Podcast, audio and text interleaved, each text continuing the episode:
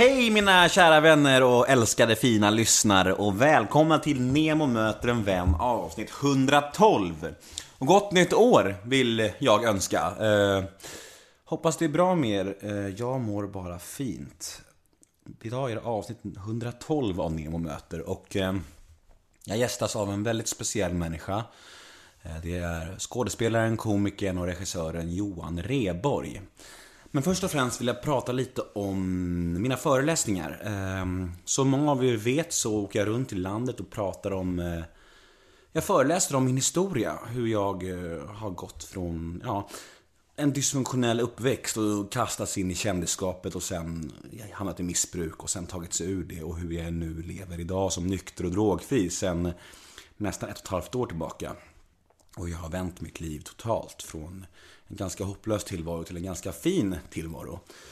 Jag åker runt med den här föreställningen, eller föreställningen, föreläsningen runt om i landet nu och eh, ja, det finns schema på nemohedén.se så gå in på hemsidan nu direkt om ni vill veta vart jag kommer. Jag kommer, eh, jag har fem eller sex föreläsningar spikade och klara för 2017 så om ni vill veta vart jag ska köra eller om ni vill boka så in på nemohedén.se bara så finns informationen där. Men åter till dagens podd då. Johan Reborg. Det kändes väldigt speciellt att få komma hem till Johan eh, och eh, göra den här poddinspelningen.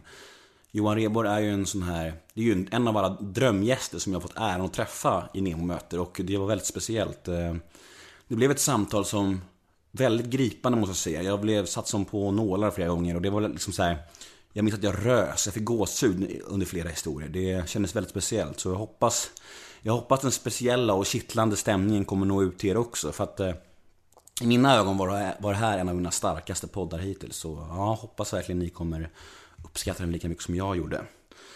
Jag heter Nemo Hedén på Twitter och Instagram. Hashtaggen är NEMOMÖTER. In och gilla oss på Facebook, NEMOMÖTER, en vän. Har ni några frågor eller önskemål eller feedback eller vad som helst, så skicka det till nemohedén gmail.com. Podden presenteras precis som vanligt samarbete med Radioplay. Så gå in och ladda ner Radioplay-appen på en gång om ni vill ha ja, snabb och bra enkel poddapp liksom. Gratis såklart. Men nog om mig. Dags för Neo möter en vän avsnitt 112. Gäst Johan Reborg. Rulla gingen. Nemo är en kändis, den största som vi har. Nu ska han snacka med en kändis och göra honom glad. Yeah! Det är Nemo är en kändis, den största som vi har. Nu ska han snacka med en kändis och göra honom glad. Yeah! Vi kör igång. Eh, Nemo möter en vän med Johan Reborg. Yes, hej. hejsan. Hej. Hej, hej. Hur är läget? Jo, det är bra, tack. Ja, jag brukar säga välkommen till mina gäster men nu är vi hemma hos dig så det är ju... Absolut. Jag ska bara... Jag måste stänga dörren. Gör det. Jag har, det är värsta ljudet nere. Ja men det är kör på. Alla mina grannar lyssnar på då. Ja, precis. Sådär. Välkommen! Tack. Eller ja, välkommen Nemo hem till Johan. Ja, precis. Välkommen hem till mig. Ja, det känns, det känns stort att få vara hemma hos dig. Alltså, ja, men jag, ja, jag tror aldrig jag givit en, en intervju hemma faktiskt. Du är nog först. Visst, erkänn att det var lite för att jag sa att jag fick komma hem till Schyffert. Som du gjorde det. Äh, eh, lite för att jag är lat, tror jag. Men, äh, ja... Äh, men vad- men hemma hos Schyffert, vi har ju filmat hemma i hans lägenhet. Han har använt det många gånger. Men vad går man på annars? Hur vet du att jag inte är liksom en galning som kommer? Ja, men jag vet ju inte det. jag, får, jag chansar på att det är okej. Ja, men det låter bra. Det, känns hedrande. Men du har gjort en miljon intervjuer ungefär och jag tänker att vil, vilket ämne, vilka frågor får du snacka mest om? Så vad är du liksom, vad är du liksom less på att snacka om så kan vi stryka det tänker jag. Nej, jag har inte läst på att prata om någonting. Jag försöker... ehm, eh, jag ger inte så många intervjuer så att jag eh, har tröttnat. Det går ju upp och ner så här. Det är väl... Ah, Jag har en katt som jamar också. Det är okej. Ehm, men ja, ja, du får, du får göra på brott här. Det är lugnt. Det är lite mer mänskligt. Är. Jag måste bara kolla vad fan de... Det är lugnt. Du tyst nu? Johan går iväg och skäller på sina katter för att de jamar. Stör intervjun. Nu får ni lyssnare vara med här, live. Live kattkoll. Ja, det är Sune han får för sig att han ska gå ut. Fast han vet, äh, han kommer ut i två sekunder så kommer han gå in igen. Men jamar han så får jag släppa ut honom i två sekunder.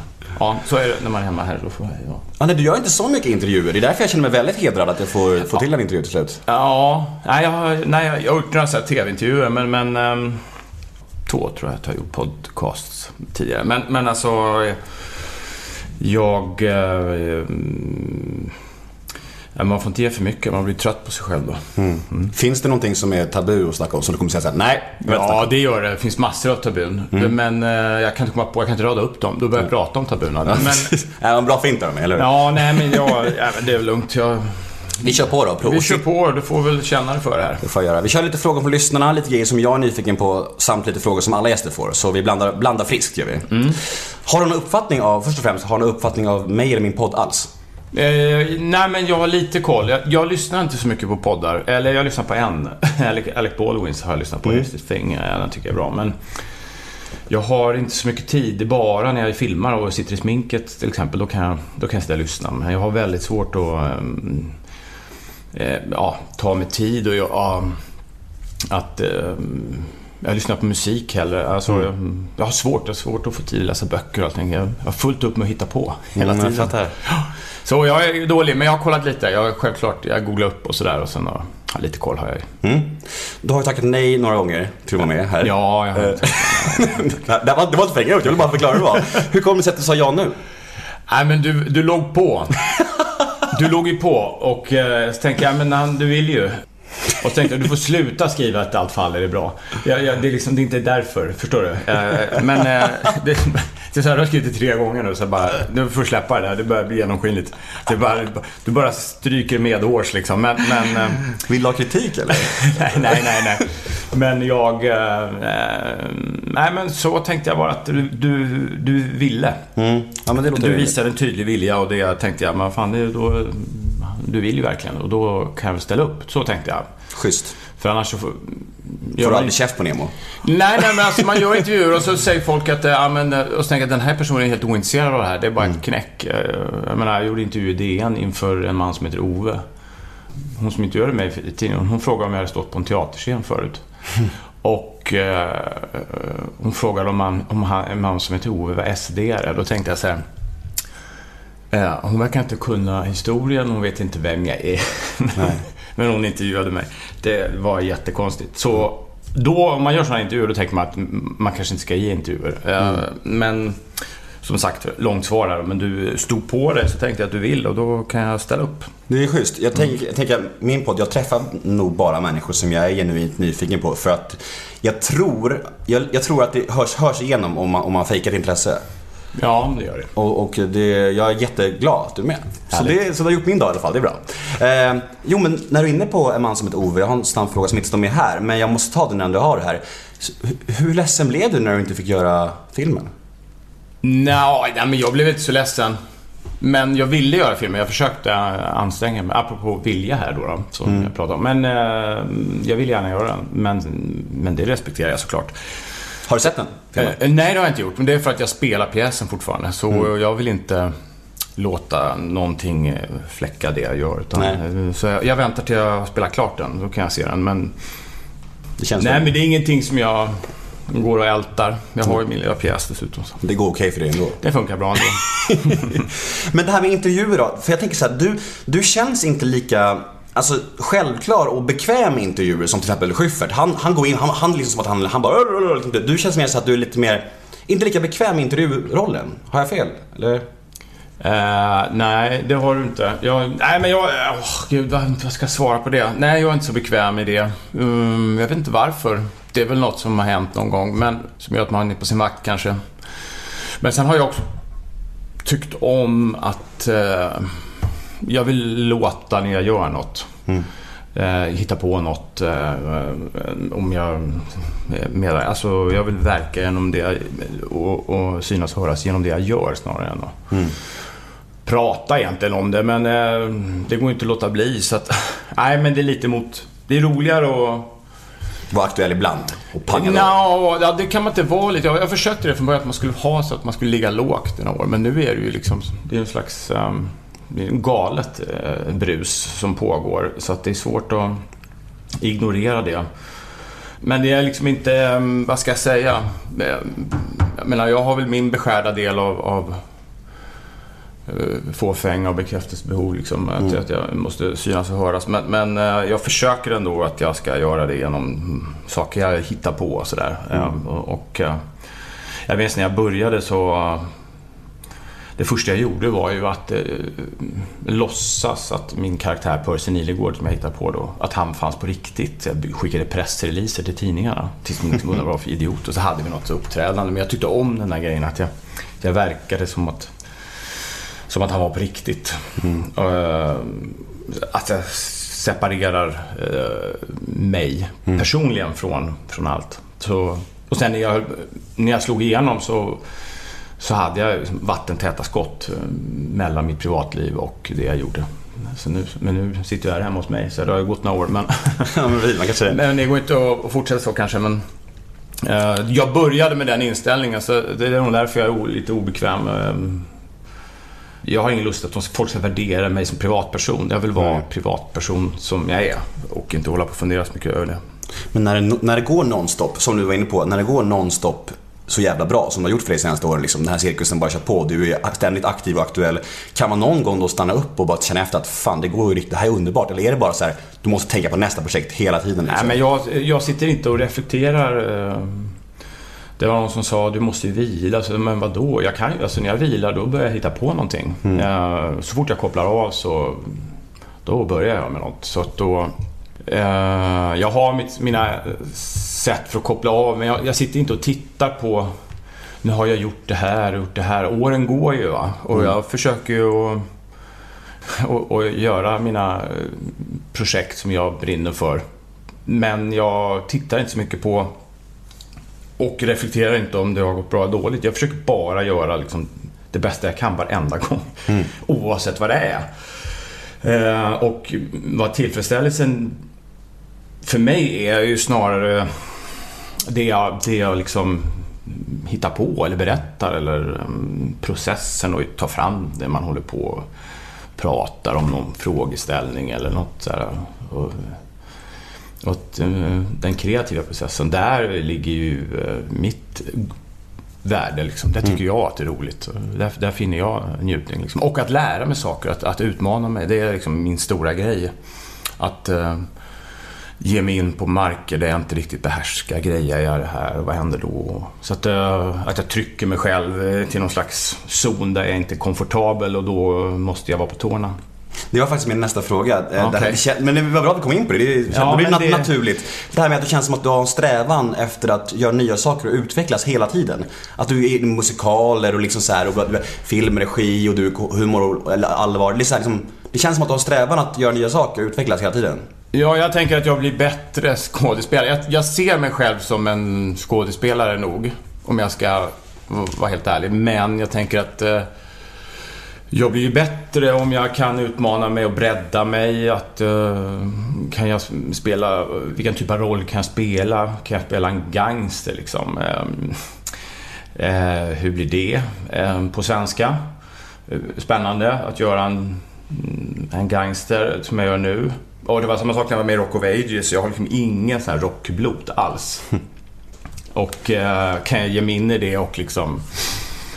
Eh, ja, men jag tycker det är... Jag blir bättre skådespelare av det. Det är därför jag fotograferar, för att jag ska liksom utveckla mitt bildsinne. Eh, Det är liksom mitt eget mål, eh, inte att visa upp bilderna egentligen nödvändigtvis. Jag har dragit ner på det nu för att jag har nästan berövats eh, fotograferingen. Så att, eh, jag har liksom tagit ner mitt flickekonto och sådär.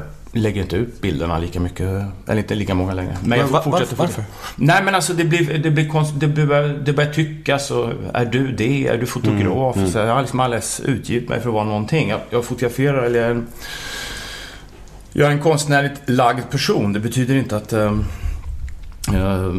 Ja, jag har lärt mig att man kanske inte ska göra allt tillgängligt helt enkelt. Men vadå, får man inte ha en hobby längre? Nej, jag får inte ha en hobby och för mig är fotografering mm, avkoppling. Så om jag fotograferar på teatern till exempel, då handlar det om att när jag kan sitta där hemma vid datorn och lyssna på musik och fixa mina bilder, då vilar jag. Men jag måste liksom hålla på med någonting när jag vilar. Så att, eh, Ja, det, det blev liksom... Och vi gjorde våra tv-program, alla fotografer och helt plötsligt så var det... Och jag får ju skylla mig själv. Jag har ju gett ut en bok och haft två utställningar. Och jag tycker det var kul att testa på. Men eh, den stora grunden till att jag fotograferar är ju inte egentligen att göra sånt. Utan det är ju att jag ska liksom bli, bli bättre. Jag har regisserat en del och då tycker jag att jag är svag på, på fotot. Så jag, jag, jag har liksom dåliga idéer. Jag ser den sämsta bilden varje gång. Så jag tänkte jag måste liksom eh, jag måste eh, bättra på mig. Och så att jag blir en bättre, starkare bildmänniska. Och när jag spelar på en scen så tänker jag hela tiden att jag står i en bild. Jag vet ju hur scenen ser ut. Så att jag, jag rör mig ju i en bild och jag använder bilden. Så att det, för mig är det, det, det är det jag håller på med. Men sen blev det liksom bedömning av varje bild. Fort jag la ut en bild på Instagram så ska man liksom ratea den. Tänkte, varför får inte jag lägga upp skräp som alla andra gör? Varför, får inte, varför, ska, varför ska mina bilder granskas? Jag kanske bara lägger upp något som jag tycker är roligt. Ehm, Så då blev jag ja, skitirriterad. Jag blev faktiskt irriterad på några kommentarer. Ehm, som blev irriterande. Som jag kände, men gud, det här behöver jag inte. Och då bara slutade jag lite. Så jag har förändrat eh, också mitt Instagramkonto. Men när, jag, jag, jag tänker på eh, sociala medier och sånt. När du får dåliga kommentarer eller något sånt där. Är du en sån människa som försöker resonera med människor eller blockar du direkt eller hur tacklar du sånt? Nej, jag blockar inte. Jag, jag blockar folk som är liksom... Ja, som är ute efter något annat. Eh, Och, och om det uppstår såna här fighter, då har jag bara tokraderat och... eh, Jag har inte blockerat, några har väl blockerat men framförallt har jag skrivit bara att det här är inget forum för någon jävla... Någon jävla psycho rants. Det får de hålla på med någon annanstans. Jag, idag har jag bara raderat helt hänsynslöst. Men... eh, Nej, det är nog eh, kommentarer. Jag tänker, om, jag, om jag lägger upp en bild eller bilder så jag har inte ställt något krav på någon. Jag, jag, jag, bara visar upp något och... Eh, ja, då kan jag bli så här, ja, men, klaga, men för fan. Ett, följ inte mitt konto, tänker jag. Eh, och så tänker jag, varför ska jag bjuda på allting för? Eh, jag kan liksom skita i det också. Så... Eh, ja, jag är ju känslig person helt enkelt. Men, eh, Men varför har du inte ett privat Instagramkonto tänker jag? För dina vänner bara? Ja... Nej, men det, jag har... Alltså jag kan, jag, jag kan eh, ringa mina vänner eller smsa dem eller...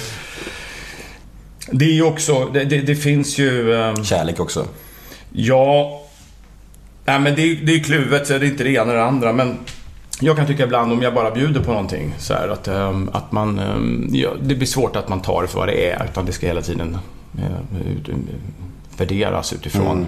Men det, det är ju lite det, monster man bygger när man håller på som jag gör. Så det, det får jag väl leva med. Men jag, då, då kan jag också välja att ta bort det, som att inte göra. Så är det.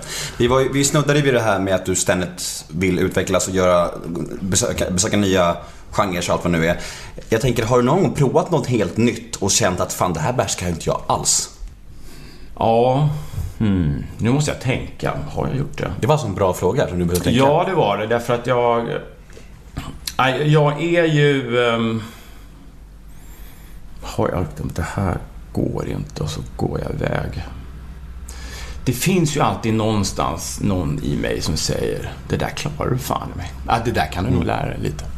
Sen är det frågan vilken nivå man, alltså vilken... ehm, Eh, vad man strävar efter. Om jag ska vara med i musikal så tänker inte jag att jag ska bli Sveriges bästa musikalartist. Tänker, kan jag bli acceptabel musikal? Kan vissa skådespelare sjunga och spela, varför kan inte jag göra det? Så jag vet ju vad jag har min styrka, det är ju komiken. Jag behöver liksom inte ett... Jag behöver inte vara lika stark på sången, men det, det är ju bra om jag kan sjunga eller om jag kan dansa lite eftersom jag kan göra andra typer av jobb. Ehm, Mm, så det är också lite var sätter man ambitionen när man gör ett projekt. Så att den inte blir orimlig, för då går det ju inte. Då, då blir det så att man får gå hem. Men jag är väldigt mån när jag gör saker att eh, säga, tycker inte ni att det här funkar så måste ni säga till. Och det accepterar jag att gå härifrån för att eh, det funkar inte så funkar det inte och jag vill inte stå på en scen och göra någonting som inte funkar och sen få höra det efteråt att nej men det här var ju en katastrof. Varför säger ni ingenting? Jag jag har hållit på här i två månader så och det kan ju vara känsligt. Folk kan ju vara mm, rädda och nervösa men då brukar jag vara mån om att fråga eh, om det funkar eller inte. Men jag har gjort provfilmningar vet jag. Inte för att jag inte kan leverera men jag har blivit liksom osams och eh, eller haft delade meningar med regissören om vad man vill berätta. Så att jag har känt efteråt att vilken tur att vi provfilmar, för den här rollen kan inte jag göra.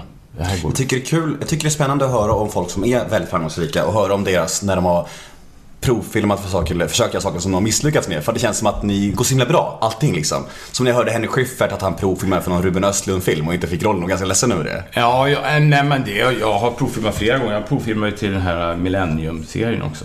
Alltså samma huvudrollen. Ja, precis. Den fick Okej. jag inte heller. Vill du ha den? Ja, varför, varför inte jag? Nej, nej, nej, men det var inte så jag menade. Men Nej, alltså, men, nej, ja, det är klart jag ville ha den, men, eh, men jag fick den inte. Men, det var, men jag är så dålig på provfilmningar. Jag tar väldigt lång tid på mig. Jag har svårt med det där att ro ihop något snabbt. Så jag behöver tid på mig. Eh, De bästa grejerna är ju när någon, man gör en pilot eller någonting, så, så ligger den och bara gnager i huvudet sådär. Sen kanske det blir verklighet ett år senare och då har man eh, tänkt lite grann, alltså, eh, då har jag mer idéer. Men, eh, och teater är också ett långsamt, då håller man på länge och det tycker jag om. Det blir bättre. Det blir, eh, en del är experter på relativt snabbt hamra ihop något habilt som funkar. Och en del är väldigt skickliga på provfilmningar. Och sen när de kommer på inspelning så finns det ingenting kvar. Det finns ingenting. Det har jag varit med om också, att folk kan provfilma men kan inte spela riktigt som de provfilmar. Så det, det finns det är fällor med det där. Och jag har ingenting emot att provfilma. Om regissör insisterar så gör jag det. Eh, Och jag tänker ju då att det är inte bara för honom eller henne, utan det är också för mig. Att jag känner att det här är det här en person som jag kan lägga så mycket ansvar på. Jag, filmar man så... Då, då ligger ju väldigt mycket på regissören och man har inte så mycket att säga till om hur man gör sina, sina dagar och eh, sen, sen går jag hem och sen får jag se hur resultatet ser ut sen. Men du känns lite tvärtom, att du kanske inte är jättebra på provfilmningen men när det väl gäller, då är du skitbra. Är du tvärtom då eller? Ja, jag vågar påstå... Ja, ja. Alltså, får jag tid och hjälp och... Eh, väldigt viktigt också att jag känner att regissören vill ha mig. Är jag inte önskvärd riktigt, då blir det ju inte bra. Jag vill kunna tvivla och visa mitt tvivel och säga högt att jag inte vet hur jag ska göra det här. Och då är det bra om jag har en regissör som trycker. Jo, du kan. Jag vet. eh, Som tror på mig. Det är jätteviktigt. Om jag inte har det, eh, då blir jag vilsen och eh, också tror jag för att jag inte förstår, vad vill du ha av regissören? Vad vill du ha? Du måste vara jättetydlig. De bästa regissörer jag har jobbat med är tydliga. Då är det inte svårt att spela. Eh, de kan förklara på några meningar och så, jaha, ja, så det är bara, ja, gör det. Och så tänker man, ska- det vara så lätt? Och medan en annan, de tar allting och man vet inte, det är så mycket ord så att uh, man tänker hitta på någonting själv. Nej, det är faktiskt en, en gemensam grej med de som är riktigt bra, det är att de um, är väldigt tydliga. Mm. Och så vill de ha en. Eller åtminstone ljuger de bra och säger att de vill ha en. Men det här med, med att bli regisserad då. Jag tänker att du har blivit en del och du har regisserat. Ja. Det här med att om vi säger att du gör en tagning där du, du känner så här, fan det här har satt, det här var verkligen bra. Och regissören bara, nej det här satt inte alls. Kan inte du bli så här, "Va f- really? Du vet så här, verkligen bli lite så här, mm, mm, kan man, kan man då rycka ihop regissören eller har du bara fullt förtroende för att Nej, nej, nej. Det har aldrig hänt att jag säger det till en regissör att du inte får en tagning till. De, som gör det har ju storhetsvansinne Ja. och vet inte sitt eget bästa. Om jag tror att jag har satt en tagning och regissören säger ta en till. Då tänker jag bara, okej, vad är det jag missförstått? För då har jag ju gjort något fel. Jag är väl... Jag vill ju alltid ta en till. Känner, om, de, om de säger att de är nöjda, då vill jag alltid ha en till. Då tänker jag att jag kan få ta en utan press. Men jag ska säga helt ärligt att eh, de scener, jag menar om ta Solsidan till exempel, där vi har filmat så mycket. Så jag, jag vet inte vilken tagning som jag var bra i. Nej. Och ibland de, det är färdigt, det finns. Eh, och jag kan inte säga att jag kan gå tillbaka här, varför sa du så när det här gör så där. Jag kan hitta små grejer jag inte gillar när de klipper och säga den där, det där är faktiskt ett maner för att jag mår dåligt. Det tycker jag inte du ska visa, kan jag säga, om det är ett eh, tics. Som, När man blir obekväm som skådespelare så börjar man dra till med eh, trick för att se okej ut. Och det, är inte, det är inte så roligt. Ehm, men eh, jag, jag har inte... Jag har inte gjort så. Nej. Ja, jag pratar mycket. Jag pratar länge. Nej, men eh, jag vet ju. Jag har goda vänner som gör reklamfilmer i USA. De berättar om, jag tror det var Arnold Schwarzenegger. Som för övrigt hade tre lastbilar med sig med ett gym, kontor och sant. Kan du inte säga vem det är? Nej. Kan du säga efter inspelningen kanske? Ja, kanske. Men eh, de, du får tre tagningar. Sa han det? Skådisen? Men shit! Tre får ni. Och sen har han body doubles på helbilder och sånt där. Så det orkar han inte göra också. Man har ju någon som blockar ljusen då som går. Det, har ju, det är ganska vanligt i och för sig. Men att en skådespelare säger du får tre tagningar. Om inte han själv känner att jag vill, jag vill göra en till för jag var ingen bra. Larger than life. Ja, verkligen. Men så... Ja. Nej, det är ju det är jättekonstigt. Och... ehm, man ska ju ha ett speciellt ego om man sysslar med det. Verkligen. Sånt. Då ska man ju vara... Ja, ska man ju också veta vad man gör. Nej, verkligen. Jo, du, du snuddade vid eh, alla är fotografer och jag har en fråga om det. Alltså, när, när, när du, man tänker sig när du och Schyffert vill göra en serie ihop och dessutom ta in Sigge Eklund liksom, då, då tänker man att det borde vara lätt för er att få göra den serien. Var det bara att ni gick in på SVT och bara vi vill göra det här och de bara ja, vi kör. Nej. Nu var det inte jag som producerade utan det var ju Bromma-mamma. Och Schyffert eh, var ju delaktig i det. Jag, jag var med där och dansa. Man går upp dit och pitchar. Så det gjorde vi. Och vi tävlade mot ett annat program tror jag. Okej. Mm, eller jag blandar upp säsongerna nu. Nej, men jag tror vi gjorde det. Och sen så pitchades det internt och sen fick vi också träffa SVT-chefen och pitcha en tredje gång. Men eh, det var bara den frågan jag hade om det. Ja, men vi fick pitcha i alla fall. Det, det, det var ganska mycket sånt. SVT är ju väldigt krångliga. Ja, det, det är lite skillnad mot kommersiell TV. Ja, ja, man får inga svar från SVT och det dröjer och det är kommittéer. Och, nej, men det är på riktigt, man hinner tröttna innan det. Så... Men, men, men... eh, det, Men, men, men eh, angående det här med eh, regissera som vi pratade om. Det här med hur mycket är improvisation i Solsidan? Jag har hört ganska mycket. Eller kan du procentuellt säga ungefär hur mycket som ni är? Nej, ja, men alltså improvisation funkar inte så att nu lämnar vi manus och hittar på. Så gör man ju inte, utan man gör ju scenen. Det man improviserar är väl kanske att äh, lägger till något eller att eh, man i situationen ser eh, möjligheter att, att utveckla scenen lite. Och, och ibland så, tänk, så säger de att ja, men vi släpper texten då. Men då har man ju lärt sig att då kan man ju inte lämna den i alla fall. Så att... Men jag, jag vet att vid något tillfälle har vi gjort ren improvisation. Det var väl den scenen som jag pratat om förr med Johan Abeus bland annat. Han, vi pratar om hans son, lille Doddo. Eh, och då improviserade vi. Men då var det en tydlig situation där jag och Mickan ljög ihop utan att veta vad den andra sa. Eh, Och så studsade jag mot- Det var jätteroligt. Alltså, det var en ren improvisation. Men situationen var ju låst och eh, även om vi spårade ur där så visste jag att han, han kommer klippa bort hälften. Men det är ju... Han har vänligheten att låta oss eh, hålla på. Ja, men det, var, lite. det var jätteskojigt. Ja, så, så, så jag improviserar men, men jag gör det ju efter scenen. Eller att man bara får ett infall under en tagning och slänger ur sig något. Det har ju också hänt för att väcka liv i saker. Inför varje gäst jag har i den här podden så lägger jag upp en bild på Instagram och eh, jag vet inte om du såg det men, men eh, och du är den gäst av alla mina 110 gäster som har fått flest likes. Är det så? Oj. Och eh, jag, jag vet inte, det säger ganska mycket om att du är väldigt, väldigt populär bland människor liksom. Och, och eh, folk tycker om dig mycket. Tycker du om dig själv lika mycket tror du? Eh, ja, om jag, om jag tycker om mig själv. Ja, jag går inte runt och, och självhatar mig. Men ett visst mått av skam bär jag på hela tiden. Var, var, var, varför? ja, det gör man. Därför att jag håller på. Jag tänker att jag... Ja, jag vet inte. Jag, jag ifrågasätter mycket av det jag gör. Jag tycker att det ingår i mitt arbete att ifrågasätta...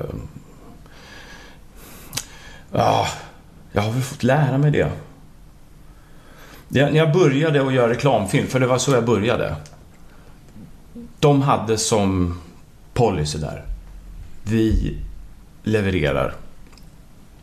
Vi frontar aldrig. Så när det vanns priser och så i början av så, så byråerna får ta all credit. Vi bara ger dem bra. Skriv, hitta på roliga grejer. Det var en tid då, då, då produktionsbolagen fick skriva manus och sånt där till i samarbete med och då var med, med, med reklambyråerna och, och, och då då var det så hela tiden och inte inte ta någon ära, inte slå sig för bröstet och eh, bara bli känd för att man kan göra bra jobb. Det har ju ändå rätt sunt att ha något sånt där Lutherfilter över sig. Mm. Vad, är det här relevant eller? eh, Och jag, och jag tror att det har blivit så med tiden att jag ehm, tänker att jag ska göra något. Det får gärna explodera och eh, låta och se och provocera. Men sen är det tillbaka och jag måste själv frågasätta, är det här bra? Och Alltså, jag själv ska stå för och, och eh, det kanske låter som det inte sitter ihop riktigt, men det gör, för mig gör det att det blir någon slags... ehm, ehm, det var mycket att vi bollade idéer och är det här riktigt bra och riktigt bra? Så där. Och sen om det är det, då tung, så ska det lyfta. Och så, Det känns, det känns för mig som att du har lite svårt att prata om din egen eh, begåvning på något sätt. Ja, det, har jag, det kan jag inte göra. Jag vet inte ens om jag är begåvad faktiskt. Nej, men jag, Men alltså, ursprungsfrågan var ju egentligen Ja. varför du får, får mest likes av alla Ja, det vet inte jag. Väldigt populär. Kan du förstå varför? Alls? Eh, kanske för att jag inte... jag vet inte. Lite Eh, generad nästan blir du nu. Ja, jag blir ju det. det. Det, det är svårt det där, därför att du... Men också glad måste du bli, eller? Antar jag. Ja, det är klart. Jag, det är roligare att få många likes än inte få några alls. Det, det, måste jag... Ja, men, jag, jag försöker bara inte värdera det. Det får inte bli viktigt Nej, för det jag gör. Utan jag gör saker av en annan anledning. Jag uppskattar det jättemycket, men inte det som driver mig.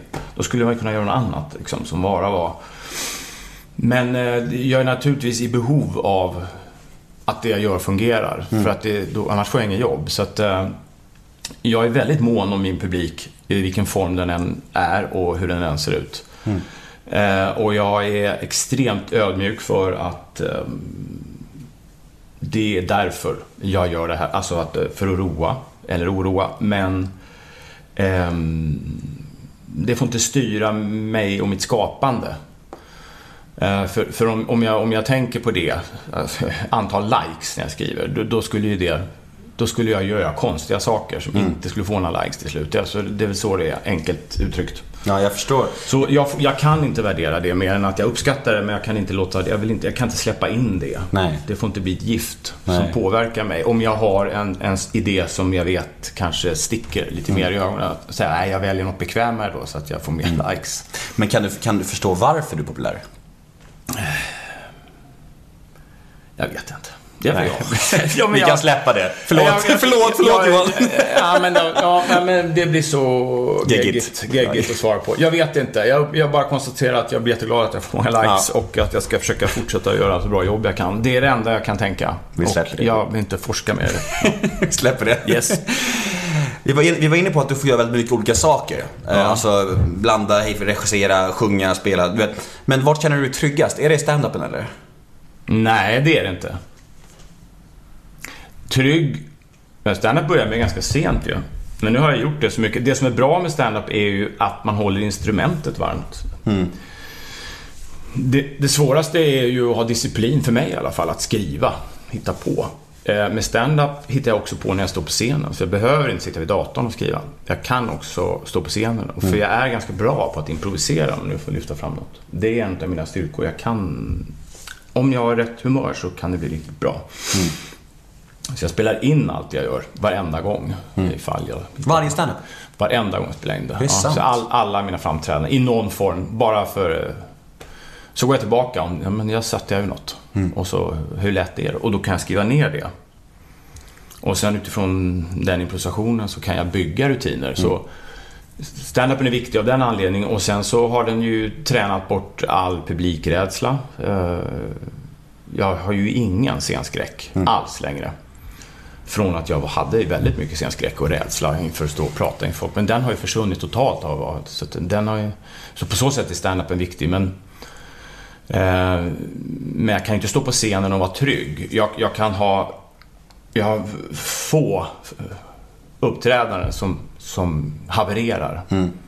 För jag har ändå rutiner som jag vet eh, fungerar. Så att, eh, Det är så kul, för du svarade på en fråga som jag kommer till också igen. Jaha, okej. Som att du läser här igenom. Ja, jag ser men- baksidan. Jag läser genom plåt. Jag har sån här. Nej men nästa fråga var, bombar du någonsin längre eller har du så här, du vet, alltså om, om du har känt att gig inte går 100% har du så här nödskämt du kan ta till så du ändå flyger liksom? Nej, jag har, jag, det var som jag sa, jag har, eh, jag har rutiner som jag vet normalt sett fungerar.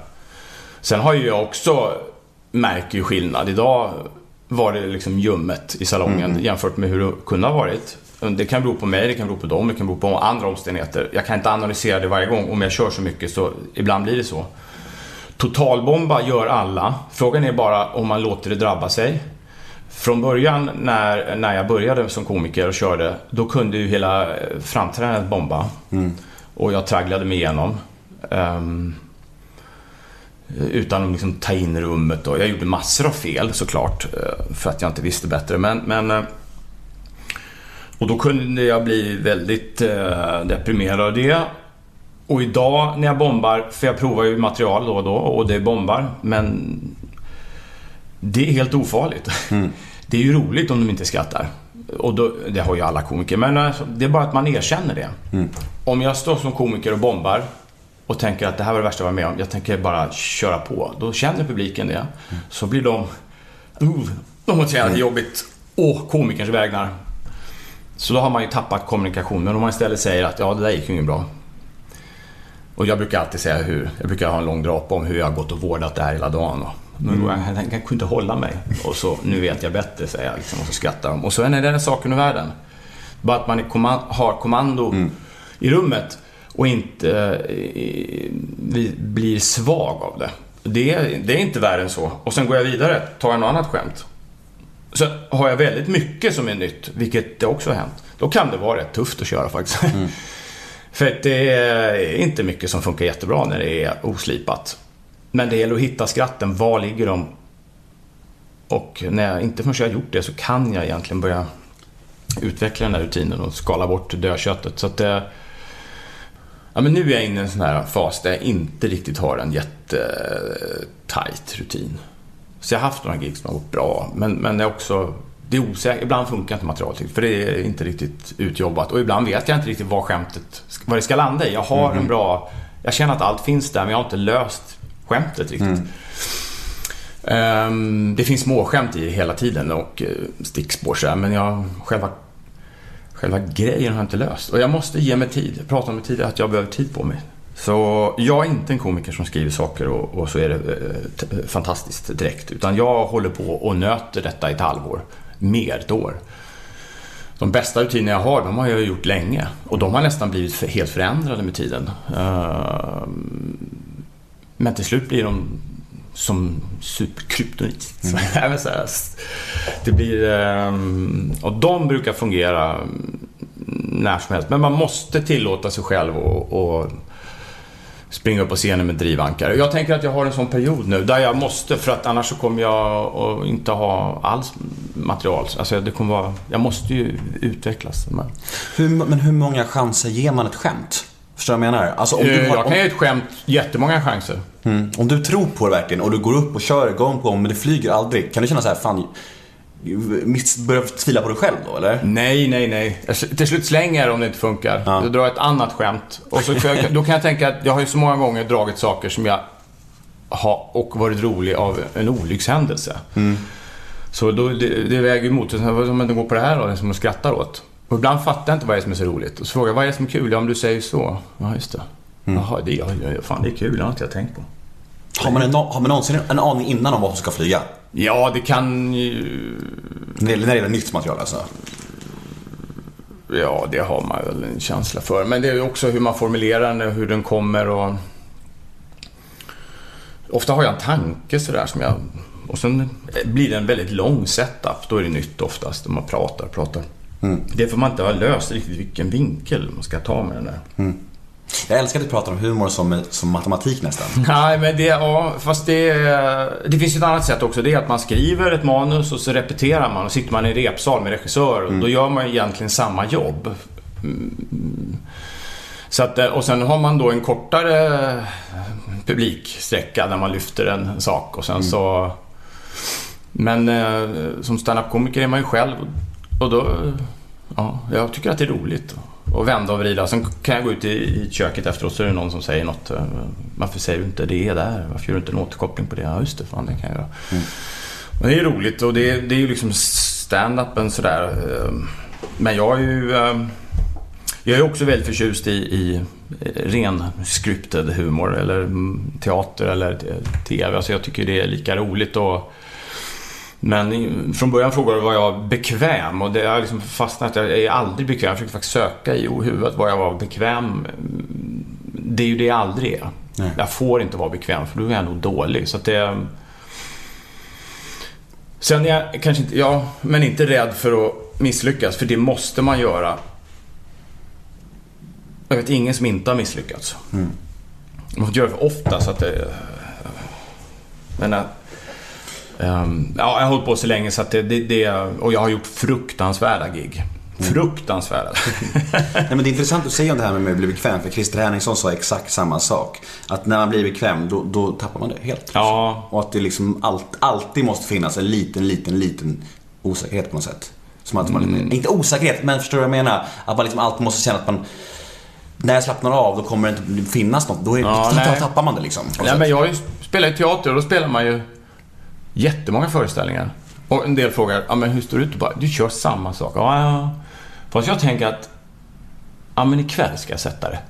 Nej, den där funkar inte riktigt. Så Vad fan också. Vi ska få den att lyfta då. Och sen helt plötsligt uh, ändrar de tonfall på en grej. Nu fick jag till den där jävla repliken. Så jag har en grej i Bullies of Broadway som jag i veckan har löst. En replik som inte är jätteskarp. Och jag känner då, nej men de, eh, de, publiken ligger före. Den är inte svår att se.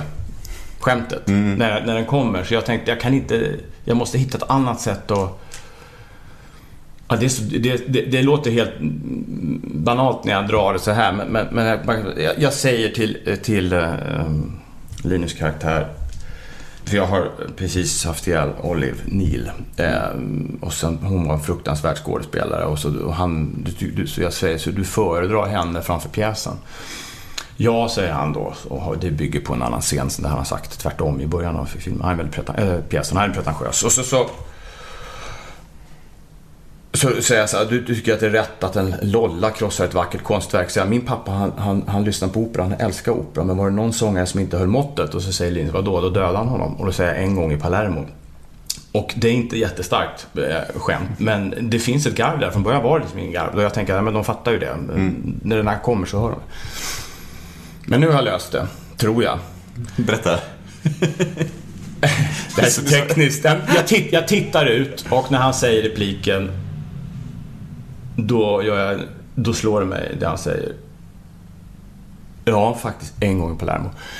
Som att jag kom på den exakt samma sekund. Inte som att jag... För den är skriven som en lång rant, som att jag vet vad jag ska säga. Det är basic, säger någon skådespelare, men så där ska jag alltid vara.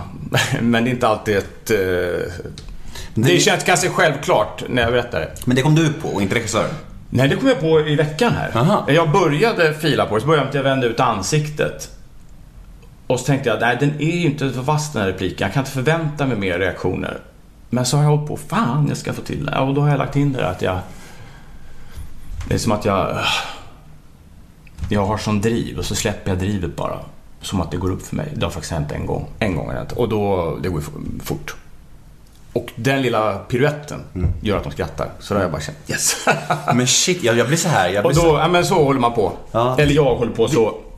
Vilken jävla perfektionist du är. Alltså, du, nu, nu, nu låter det så jävla rövslickande, men det blir det är så konstigt när du sitter, och, och analyserar en liten scen och du har gjort om i en hel teater för att du vill maximera Nej, jag har inte gjort om den. Jag har inte gjort om den. Jag Nej. säger exakt rätt repliker Ja. och jag... På ett annat sätt bara. Jag bara gör en liten, liten grej så att eh, jag förstärker eh, skämtet. Eller så att det kommer fram. Men det grundar sig ju att du har analyserat att du inte får så mycket skratt från början där. Ja, eller? men, jag, men det är vad jag eh, sysslar med på teatern. att jag filar på grejerna och jag filar på min standup, jag kör, kör om och om igen och till slut så har jag hittat skratt på många ställen. Ehm, ja, och skulle man inte göra så utan bara dra, då är man ju död. Då, då, då skulle det nog vara tortyr att spela. Men jag tänker göra till att jag kan göra det lite bättre varje gång. Jag tänkte dra upp tre personer som du har jobbat med genom åren och så ska du få berätta lite om er relation. Ja. Vi börjar med en annan perfektionist. Ro- Robert Gustafsson. Ja. Jag har lyssnat på intervju med han nyligen och då sa han att han är extrem perfektionist. Att han nästan kan börja bråka med sina kollegor för att han är så, hans vilja och in- intention är så himla stark.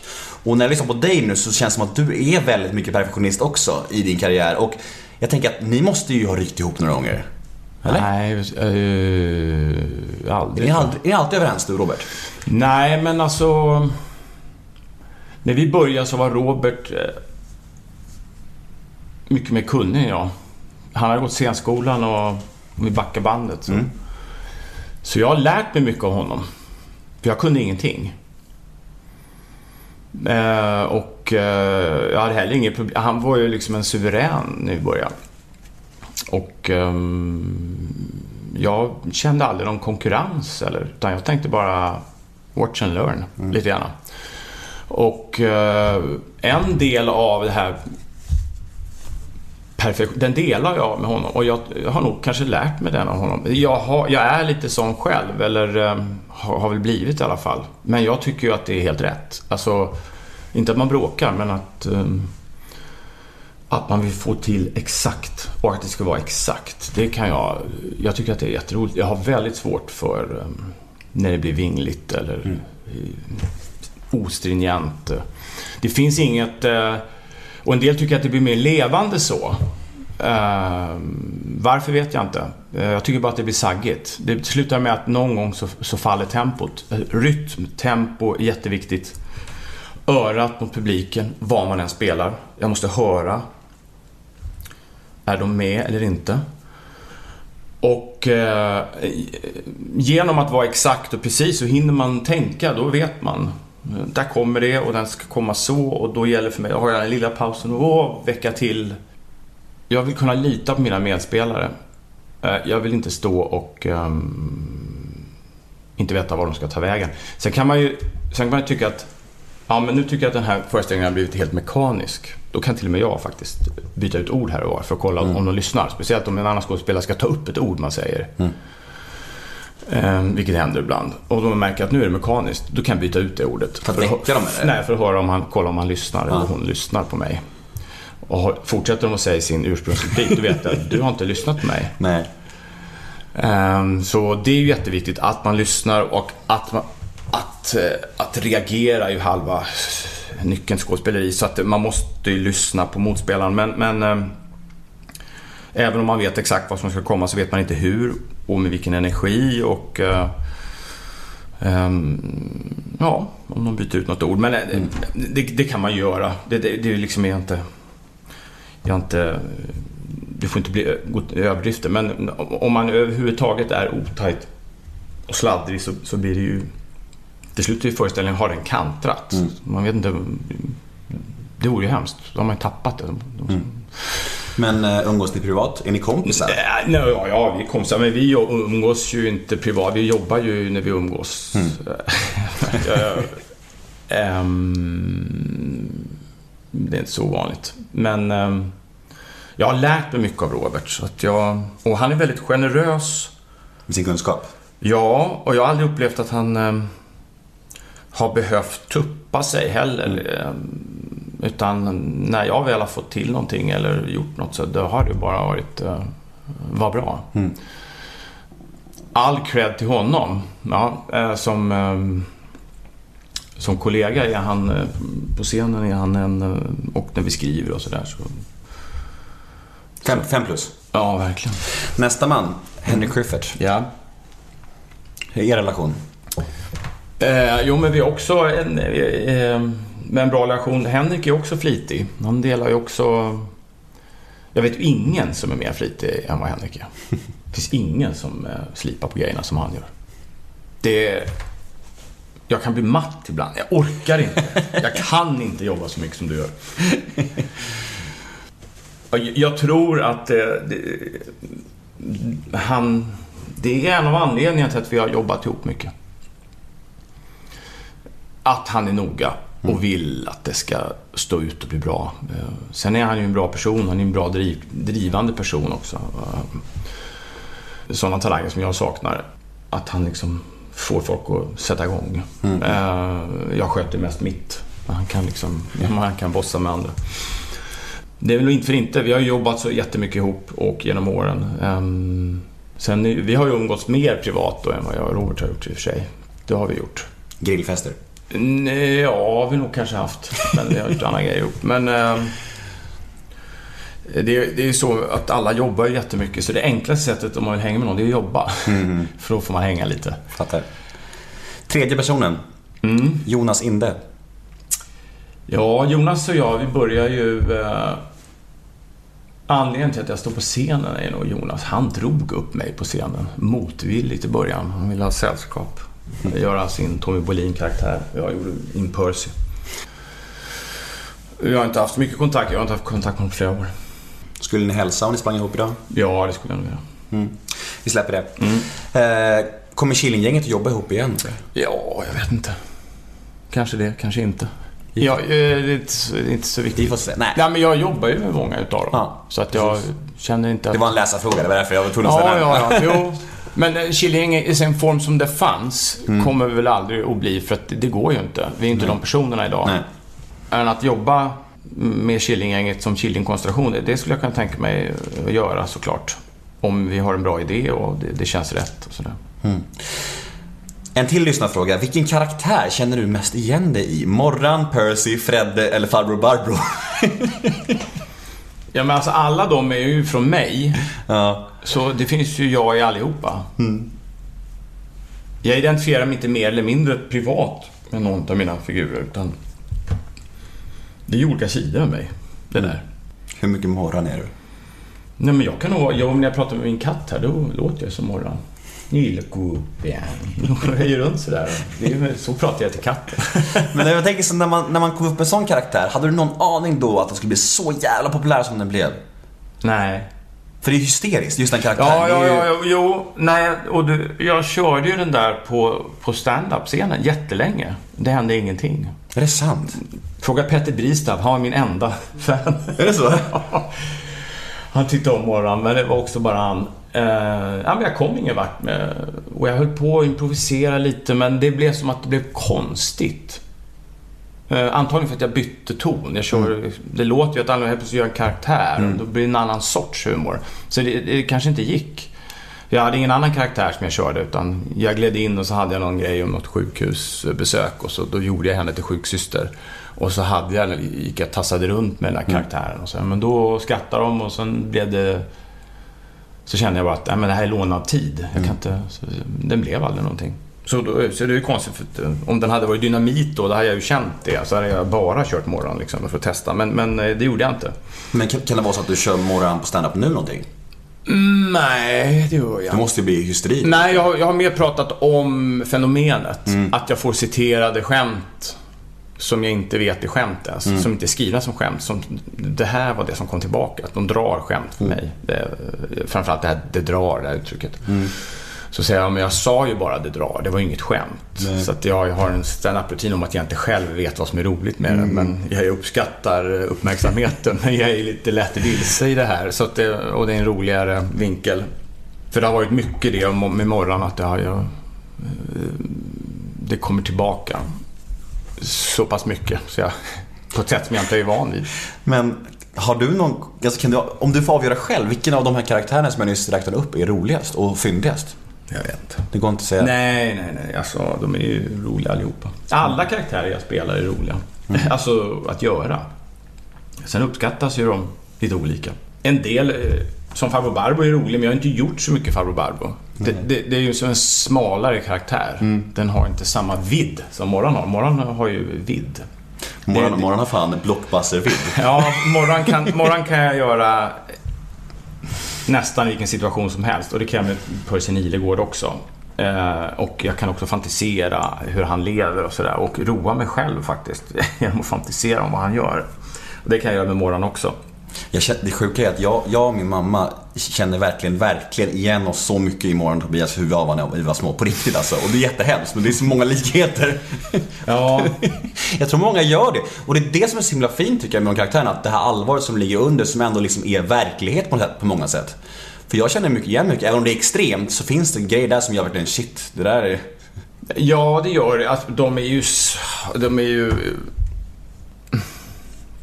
När jag var liten så... Jag skrotade mycket. Hela mitt rum var som ett um, stor verkstad. Så, Det här med att öppna upp och koppla ihop. Alltså, det har ju jag i mig själv. Och jag, vårt hus såg inte ut som vårt Tobias, men jag var ju... Sen fick jag inte titulera min mamma på det sättet som Tobias gör. Då skulle, jag, då skulle hon ha blivit väldigt arg. Men, men eh, för mig är det, är, är, är, den, det roliga den här relationen som man inte kommer ur. Att de behöver varandra så Att de mycket. behöver varandra och att det, det nästan kan låta och se ut hur som helst. Men, eh, men att de måste vara tillsammans, det tycker jag är eh, det roliga. Sen så är, finns det ju massor av... Ja, det blev... Det blev helt enkelt bra. Det blev så att det kommunicerar och funkar. Ja, ja, det, Det fina är, jag tycker, jag tycker att det, det säga. roliga är detsamma som det fina på något sätt. Att de behöver varandra. Det roliga är Ja. detsamma som det fina och det är ganska häftigt tycker jag. Och sen är det kul med alla detaljer som att hon mm, hittar på historia och vet inte vad hon har hittat på och vad som har hänt. Alltså från början var det så i alla fall. Men... Men- Hon hittar en stickning och då är det hans strumpor. och så vill hon prata om det. Ja, men det, jag tycker ju om det. Den här Blev- dröm, drömmen alltså. Blev långfilmen som ni hade tänkt er? Ja, det blev den. Ja, jag, bara- jag har inte sett den på ett tag, men... eh, den blev precis nästan... Ja, jag hade gärna eh, kört på ännu mer, men... men eh, Kommer en tvåa antagligen. ja, kanske det. Eller, men, men... ehm, ja, faktiskt. Det, det svåra där var ju liksom att göra... Svåra är ju att göra humor där humor får vara humor och eh, i filmformat. Sen så är ju liksom svartan eh, viktig och sådär. Så det, ja, ja, jag tycker ju det. jag har förstått att inte alla gör det, men det kan inte jag ta hänsyn till. Men alltså, det där, jag, jag, jag antar att du syftar på recensioner och sånt där nu. Ja, ja, självklart. Men eh, hur många har inte sett den? Vad är det, 300 000? Ja, ja, men alltså, ja, ja, det spelar ingen roll hur många som ser den. Det viktiga är att man, att man gör eh, det man vill. Och jag har tänkt på det många gånger att eh, det, hade jag kompromissat eh, för mycket så hade det gjort ont på ett annat sätt. Eh, självklart vill jag alltid att alla ska älska allt. Det går ju inte. Och jag förstår att om man gör en sån här sak eh, som vi har gjort så får man reaktioner. Men ehm, Fast nu säger du att det, inte, att, det, att det inte spelar någon roll hur många som ser den. Det måste ju betyda mer att 300 000 ser den än att en recensent tycker om den. Det måste vara viktigare, eller? Eh, ja, det är väl ingenting som... Alltså, det viktiga är att man gör det, det att jag gör det jag vill. Ja. Eh, och att jag, eh, jag står för vad jag gör. Ehm, jag har väl fått eh, dåliga recensioner förr. Det, som är jobbigt, det är när jag får dåliga recensioner och jag har kompromissat och jag har känt på vägen att det här är inget bra. Och då kan jag bli arg på mig själv. Varför eh, reagerar jag inte? Då, för då känner jag att jag skulle kunna göra någonting åt det. I det här fallet så kan jag inte göra så mycket åt det. För att eh, när de där kom så tänkte jag, men okej, är det någonting du själv vill ändra på? Inte vad jag vet, men då så. Live with it, eh, lite gärna. Men att... att Men, så, men, men eh, jag vet inte. Hela Morgon Tobias-grejen, den kan jag liksom inte utvärdera nu. Man är ju nästan i den. Ja. Filmen går på bio fortfarande. Så att, jag eh, förstår. Det är väl också någonting att den kom bakvägen, hela det här projektet. Alltså om jag tittar ur, ur journalisternas eh, synvinkel så har, de har ju aldrig fått riktigt granska den där. Den har liksom vuxit på nätet. Men alltså om man ska dra en parallell. Min favoritserie med, nu kommer det ändå, nu, nu, nu slipper jag undan. Men jag tycker ju väldigt mycket om Allt faller, som, är, som, som du har sagt att jag har påpekat på internet några gånger. Där var ju lite tvärtom. Kritikerna hyllade den, men tittarna, det var inte så mycket tittare va? Eller? Var det det? Ja, det var det väl inte. Men där var ju kritikerna ganska lyriska. De hyllade den verkligen för att de var inno- innovativa och annorlunda liksom och sådär. Men vad föredrar man då liksom? Att, att kritikerna inte tittar, då måste man ju hellre se att Nej, den- men alltså, återigen. Jag kan inte göra saker utefter dina likes som du pratar om. Nej. Och för att om jag börjar tänka som du gör nu, då vet inte jag vad jag ska göra. Nej. Då börjar jag säga, men vem ska gilla det här? Jag, jag, så, jag kan ärligt säga dig att under inspelningen av Morgon Tobias tänkte jag inte en enda gång på vad någon annan ska tycka om det här. Och då kan man alltid tycka att jag är dum i huvudet. Eller så tänker jag att jag fokuserar på rätt sak. Att göra det jag vill och uttrycka mig. Ehm, faktiskt. Bra. Det är liksom när första eh, arga recensionen kom så jaha, hur fan kan man inte gilla det här? Men vad skönt. Men eh, ja, eller så är jag dum i huvudet. Jag kanske är korkad också. Men... Eh, jag det var du som sa det. Ja, nej, men jag, i så fall är det bra att vara lite dum. Ehm, jag, jag, åt, jag kan inte göra... Nej. Och jag är ju stolt över Allt faller också. Jag tycker den är bra. Den har ju liksom en egen... ehm, den hade ju ett problem att den, den var inte lämpad till 22 minuter. Nej. Den skulle vi ha gjort i ett längre format redan från början. Men det... Så det var en miss. Så där gjorde, gjorde vi dubbelläppar i fyran. Vi sände den dubbelt. Mm. Eh, Men den, den var ju så mycket på, Den hade ju en sån stämning som, som fanns i den. Som man ville vara i. Men Mm, precis. det kunde vi inte veta när vi skrev den riktigt, att det skulle bli så. så att, eh, Jag har ju sett den några gånger. Ja. Och, eh, och, så jag vill ju fråga lite om den såklart, när jag har det här. Mm. Kan du berätta lite om den produktionen och den inspelningen och, och vad du tycker om den och sådär? För jag, jag, jag såg ju om den senast häromdagen. Jag, tycker jag, jag blir förtrollad av den. Jag tycker att den är jätte, jättebra, jättestark. Och jag undrar, hur mycket av de, de, hur mycket av Johans miljö där är du IRL? Och hur, alltså för att, jag tror att Schyffert sa, Schyffert sa så här att det där är Jonas och Johan. Medan Jonas sa till mig, nej det där är inte alls vi. Så nu har jag dig här, nu är det Nej, jag, jag, jag, jag kan inte heller säga att det där är jag. Det, det som är sant är ju att jag och Jonas har ju gått i samma skola i Täby eh, vid något tillfälle. Han är från Danderyd tror jag, eller sånt där, och jag är från Täby. Så vi kommer från samma område och eh, båda våra mammor gick bort i Alzheimer. Så att, ehm, och vi är komiker och vi har aldrig jobbat och vi har aldrig liksom... Det har alltid funnits någon konkurrens och sådär. Så, det, så vissa delar har vi plockat från verkligheten. Kärnan är sann liksom. Ja, det, det finns väl något i det. Ehm, sen har vi hittat på mycket, men det är också den här konkurrensen den är liksom, som också finns i alla grupper. Den är ju, den är ju är kul att ta på. Den är också lite tabubelagd man känner, "Ugh, ska vi verkligen vända på det? Och, det finns ju något, men menar, vi har ju inte... Vi har ju inte... Jag spelar ju inte mig själv. Men jag gör en kompis. Det, det blir ju liksom delar av Ja, svårt att säga. Man tror- jag kunna peka här, men ja, vi har plockat element som gör att det blir... eh, Och i verkligheten så, när, när, min- när min pappa gick bort så... eh, Precis när han dog så ringer telefonen. Ö, Har vi med det i alla fall? Jag vet inte, jag har inte sett den på länge. Men då ringde i alla fall min kille. Så står det Bodil Malmsten i displayen. Jag har fått numret av Vicky von der Lanken någon gång. Så att jag hade det i min mobil. Och då, då tänker jag, jag står mitt i chocksorg. Bodil Malmsten. Oj, det här är lite bra samtal. Så jag svarar, kan jag, kan jag ringa upp dig? Min far dog. Det här är visst med, men det är inte Bodil då just. Men det, det här är med. Jag tror att det här är med. Ja, jag tror men inte det, det här är verklighetens historia. Ja. Och alltså den här kluvna känslan av att, hur kan jag ens tänka? Men, Alltså jag var ju i chock. Och sen så... ehm, I serien är det så här att du ska ha ett stand-up-gig samma kväll. ja, just det, precis. Och att jag gör det i alla Ja. fall. Ja. Den där kommer alltså för mig. Frågar du Jonas får du ett svar, frågar du Schyffert får du ett annat svar, frågar du mig får du ett tredje svar. Så är det alltid. Men för, för mig handlar den där serien jättemycket om eh, de här åren när mina föräldrar gick bort och att jobba som komiker. Och jag hade ju, då jobbade jag på Singin' in the Rain så jag, när farsan dog. Det var något, jag fick inte sörja. Utan eh, det var liksom, du ska upp på scenen. Eh, Så jag, jag kommer att jag, jag spelade den och jag grät samtidigt. Jag grät och folk skrattade i salongen. Det var för mig så konstigt. Eh, så att jag bara... På själväckel. Alltså, jag bara, vad är jag för något? Jag är som en maskin eller? Jag kan alltså få folk att skratta. Jag står ju och gråter själv liksom. Och sen hade jag ju en, en, en god vän till mig som gick bort. En, en, en av mina äldsta barndomskamrater som bodde nära mig när jag bodde i Täby. Som gick bort i cancer och då um, kom jag ihåg att jag, jag böla på scenen och så här. Det, det var så svårt att... Ja, det var svåra år att vara komiker på ett privat plan. Mm. Så det var intressant att prata om att göra den här serien för mig. eh, Och det här med att man trots allt går och ställer sig och kör. Och Det, det, det, är vad jag, det är vad jag gör, det är mitt jobb.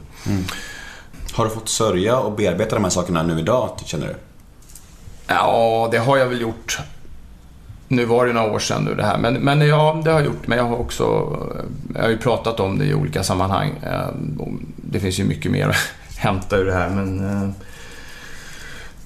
det var några brutala år, tycker jag. Eh, bortom allting annat så var det ju det var liksom inte, inte, inte värdiga avslut någonstans. Så att, ehm, det var ju angeläget att göra den där serien då.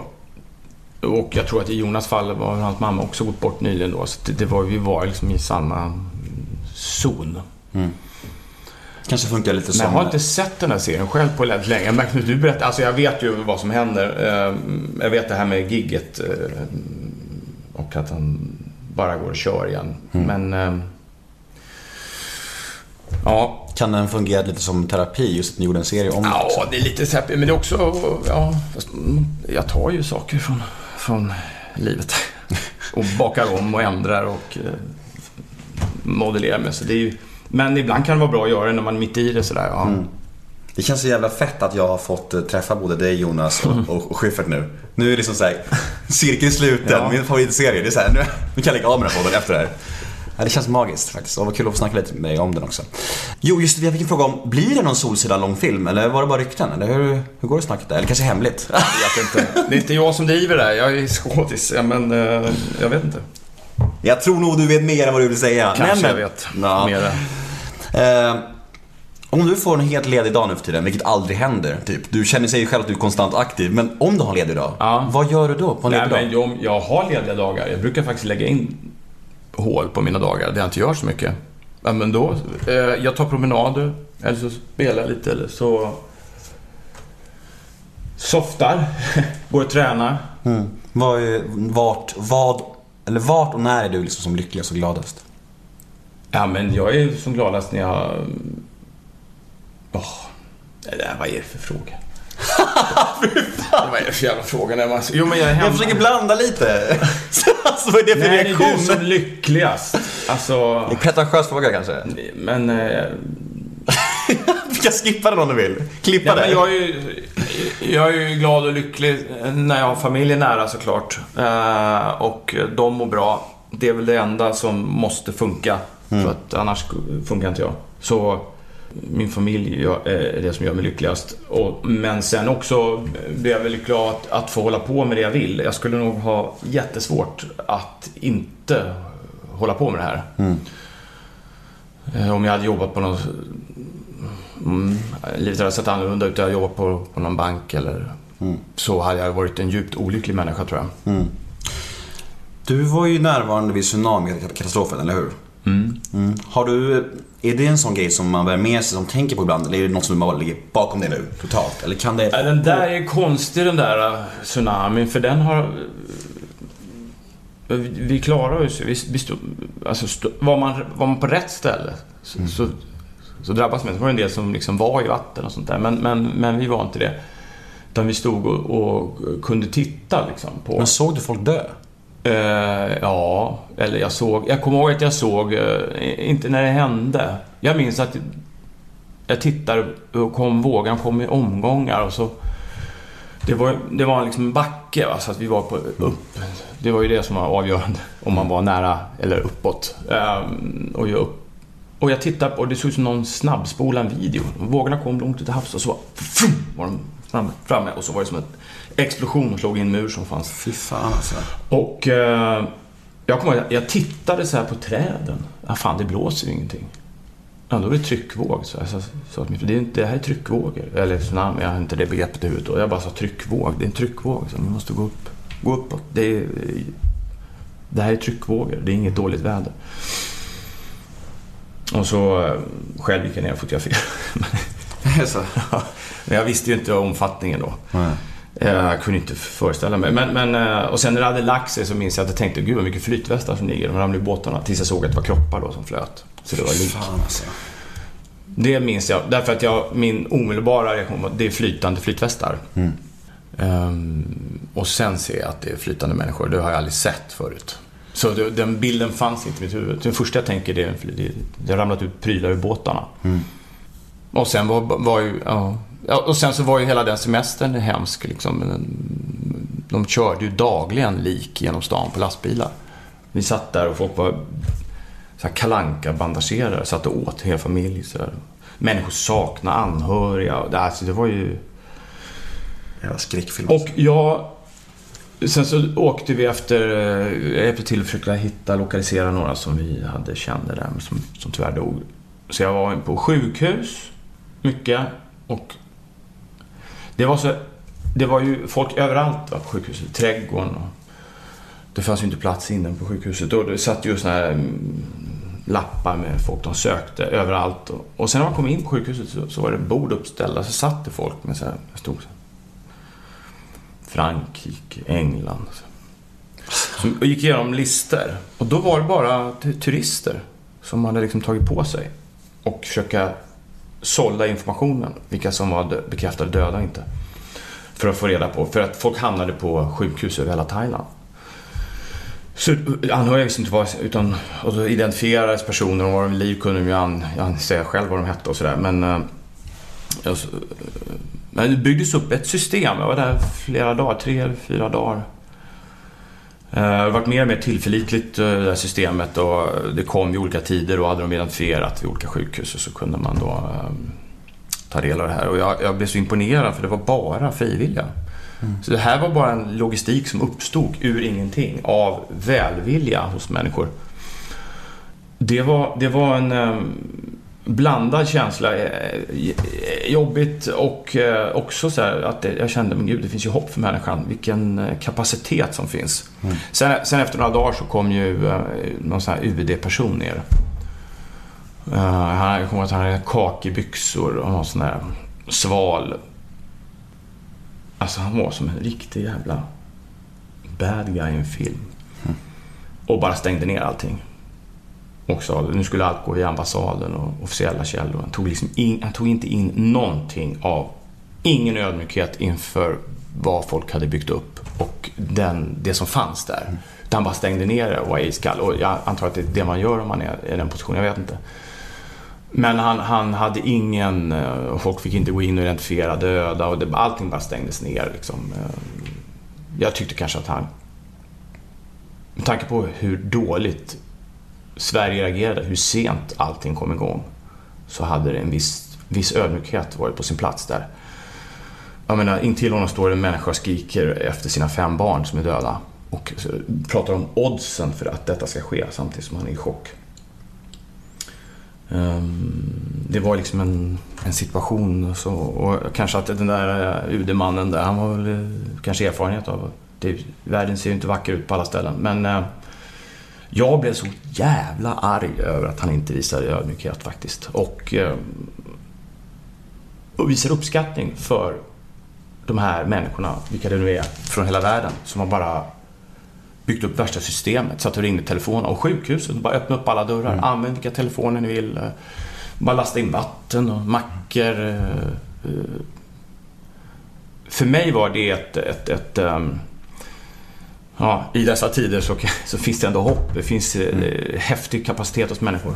Um, och att, att Sverige var så dåliga på att reagera snabbt och eh, kom igång så sent så skulle eh, jävlar i mig ha varit mer ödmjukt. Men då, han var inte det. Han, han var arrogant, professionell på fel sätt. Mekanisk. Mekanisk, känslokall och ehm, då beslutade jag mig för att åka därifrån. Så då åkte vi upp till Bangkok så var vi där några dagar innan jag åkte hem. För och då tänkte jag att det här, eftersom inte vi drabbade, det här kommer liksom att... Av någon anledning gick jag runt och tänkte att det här eh, kommer inte sätta så djupa spår. och sen har det gjort det. Eh, mina barn till exempel har ju pratat jättemycket om det det kommer upp fortfarande. Och ehm, vi hade väldigt tur som inte drabbades också. Så att det, det var tillfälligheter som gjorde att vi fanns på rätt plats. Så att det har varit en jättelång process och pågår än idag faktiskt. Det, är mycket, det var mycket saker som hände där som, som ligger och gnager och sen som kommer upp. Sånt där eh, katastrofer och, och krissituationer. Jag, jag kan inte tala för dig alls, men jag förlorade en kompis i en tågolycka för drygt tio år sedan. Han dog framför mina ögon. Mm. Och där för stunden efter det så var inte jag så ledsen alls. Men efter några månader så kom det som en käftsmäll. Ja. Och, jag, och det har kommit då och då i perioder, bara hugger det till så här. Men just precis efter, då var det ganska lugnt liksom. Mm. Jag tror de här riktigt tunga chockerna liksom, det kan ju verkligen komma liksom till sånt där längre tid. Jag blev så, jag blev så, jag kände sån skam att jag inte var mer berörd av det Ja. efter det. Head over to Hulu this March, where our new shows and movies will keep you streaming all month long. Catch the acclaimed movie All of Us Strangers, starring Paul Mescal and Andrew Scott. Stream the new Hulu original limited series We Were the Lucky Ones with Joey King and Logan Lerman. And don't forget about Grey's Anatomy. Every Grey's episode ever is now streaming on Hulu. So, what are you waiting for? Go stream something new on Hulu. Jag har förlåt en kompis han- mina ögon. Jag borde ju vara helt förstörd. Men, och, för att liksom, jag kan inte liksom känna skam över att jag inte är ledsen vad jag är. Men det kommer tillbaka till mig. Det kommer tillbaka då och då liksom. Och Jag vet inte hur kroppen funkar och sånt där. Det är så jävla konstigt alltså. Nej, jag tror att det är så. I, när det väl smäller så är man rätt noll. Alltså, man kan inte riktigt ta in vad som sker. Och så bara, nu, nu är någon borta. Ja. Hur ska jag vara nu? Men äh, ja, att man inte... Det känns... eh, Ja, Jag har två armar och ben här, jag vet inte. Och sen efter ett tag så kommer ja men det är, jag tror att det är, kanske är sån här överlevnadsinstinkt. Jag, överhuvudtaget så tar ju sorg väldigt mycket tid. Det, det, det kommer alltid sen. Ehm, I alla fall i alla de fall som jag har varit inblandad och haft. Så när det sker så är det mycket praktiskt och och när någon dör så är det begravning och det, bo, alltså, det ska göras bokteckningar. Alltså, det är bara en massa papper. Man bara, får jag sörja någon gång? Nej, får jag sen? Så, eh, men en sån där grej med någon blir överkörd framför ögonen på en, det har inte jag gudskelov varit med om. Att någon som jag känner så. Nej, men jag jämföra så här, så, så här chock, ja, chock, jo, men liksom. jag kan ju tänka mig att chocken är... Det kan finnas likheter. Man vill ju inte fi- befinna sig i ångest. Om man, Nej. Det är ju första man försöker ta sig ur så är det en ångestkänsla och vill tillbaka till normalitet. Så eh, man, jag tänker att man gör vad man kan i de där lägena för att försöka känna, känna normalt under onormala omständigheter. Verkligen. Sen med tiden så kommer ju saker och ting i kappen. Men... Så är det. Vi släpper det. M- Låt oss prata om något muntrare. Ja. Det här med, vi pratade om det förut, det här hur du förhåller dig till offentligheten. Och hur, hur är ditt förhållande till offentligheten? Du verkar, det verkar vara lite komplext. Att du inte är jätte, alltså, jätteglad över att vara kändis. Alltså, förstår du? Alltså, det här med selfies och så här. Ställer du alltid upp eller tycker du det är lite jobbigt att vara kändis? Nej, jag ställer oftast upp. Jag har sagt nej några gånger, men då har det varit för att jag inte har kunnat. Eh, nej, jag är ju, eh, tänker ju att det, jag har, om jag inte har publiken, då har jag ju ingenting. Va? Så att, eh, jag, jag, jag, det är väl inte så farligt att ställa upp på en selfie. Det är jobbigt om jag har bråttom och måste till möte. Jag, jag kommer i telefon och någon har avbrutit mig och säger kan jag få ta en bild? Och säger, jag står i telefon, jag kan inte, inte just nu, säger jag. Och jag tänkte, ja då går det musiken iväg. Men jag måste någonstans dra en gräns. Jag kan ju inte bara... ehm, eller om folk slår sig ner vid matbordet, man sitter och äter på restaurang. Och, då, då har jag sagt så här, men vet du, vi sitter och käkar. Jag, jag, jag vill inte... Du får ta en bild, men sen, sen får du nog gå. Ja, vad fan, om de får Vi kan, inte, vi kan inte hänga här nu, utan du får nog gå. Eh, så, men... ehm, Men kommer folk fram och bara såhär, gör morgon för mig? Ja, det gör de. Eh, Gör det då? Nej. Nej, men jag försöker ha någon värdighet kvar. Kan du inte göra morgon för mig nu då? Sluta. ja, förlåt. Eh, Du, du har två döttrar. Ja. Hur är du som farsa? Jag, jag vet inte jag. Då får, man, får, måste man fråga dem. För jag ska själv bli farsa i maj. Okej. För första gången. Och jag är jättenervös. Vad häftigt. Ja, det är skitläskigt och skitfantastiskt. Men eh, hur förändrade faderskapet dig? Oj. Ja, det går ju inte att förklara. Det är ju en helt annan människa man blir. Hoppas det. I samma stund. ja. Det, jag vet inte hur andra reagerar, men för, för mig var det så. eh, så det var ju... ehm, Jag minns inte hur jag var innan. Är det så? Ja. Jag försöker ta reda på det faktiskt lite, hur jag var innan. Nej, men det, allting handlar om barnen. Eh, på ett sätt. Efter det. Det beror på vad man har för relation till sina barn, men... ehm, de är ju egna individer. Mm. Och tar över och tycker och driver. Så eh, det är ju inte, alltså det, det är ju, man är ju livsviktig i början. Och sen blir man mindre och mindre viktig, men ändå viktig. Men... ehm, ehm, ja, gud. Vad säger man? du kommer bli varse. Nej men det är ju roligt.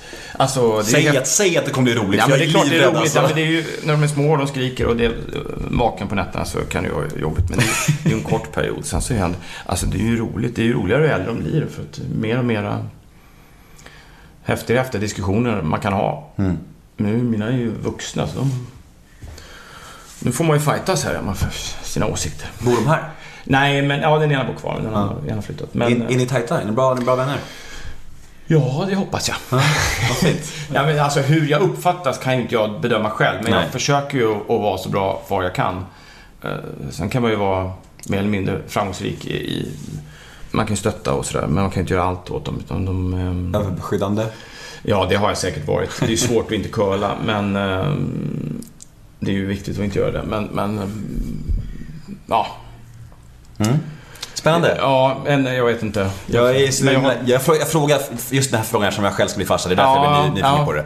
Så jag är väldigt så här, lite så här, jag är nervös och spänd och, och taggad och glad såklart. Ja, ja, ja. Det, alltså, det, man, det är bara en enda lång oro. Fan. Du är orolig när de är, när, eh, under graviditet, jag orolig ska hända något. Och sen när de förlossning, som man orolig ska hända någonting. Och sen så är det eh, första dagarna och sen är det plötsligt spädbarnsdöd man oroar sig för. Och sen så är det ju, eh, blir de äldre och då är det kamrater och mobbing och skola. Så. Killar och- Till slut inser man, ja, ja det är inte, men alltså...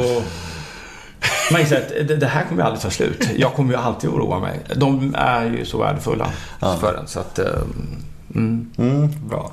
Hur är ditt förhållande till alkohol? Eh, ja, men jag har nog rätt okej i förhållande till alkohol. Jag dricker inte så jättemycket. Nej. Eh, Normalt, som man kan säga kanske. Ja, jag vet inte vad det är, men... men ehm, jag tror, I perioder dricker jag nog väldigt lite. Och sen så har jag under perioder jag druckit mer. Eh, just nu dricker jag inte så mycket, för jag har sen i somras försökt gå ner i vikt då, så att jag liksom dricker eh, lite. Men eh, jag är inte tråkig sådär. när jag Nej. går ut på. Så kan jag dricka. Men alltså, det där... Det står en halvöppnad vinare där faktiskt, men den har jag inte druckit upp ens. Men Kanske gör det efter intervjun-. Ja, nej, men jag dricker inte så mycket. Jag har inte...